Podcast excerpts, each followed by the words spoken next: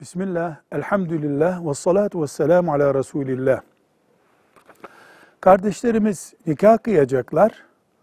Hanım tarafı boşama hakkının kendisine verilmesini istiyor. Dini boşama hakkının, talak hakkının. Mümkün müdür? Mümkündür.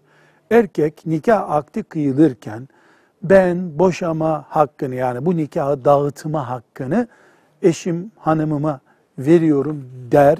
Hanım da kabul eder olur.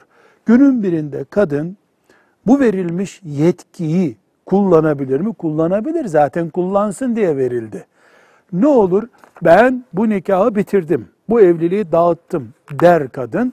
Bir bain talak gerçekleşmiş olur. Bain talak ne demek? Kadın hürriyetine kavuştu. Erkek hanımsız kaldı demek. Yeniden evlenebilirler mi? Yeniden nikah yapabilirler. Mehrini vesairesini konuşarak. Bain talak bu demek. Yani aile dağılır ama bir süre sonra kadın yeniden nikahlanmaya davet edilebilir.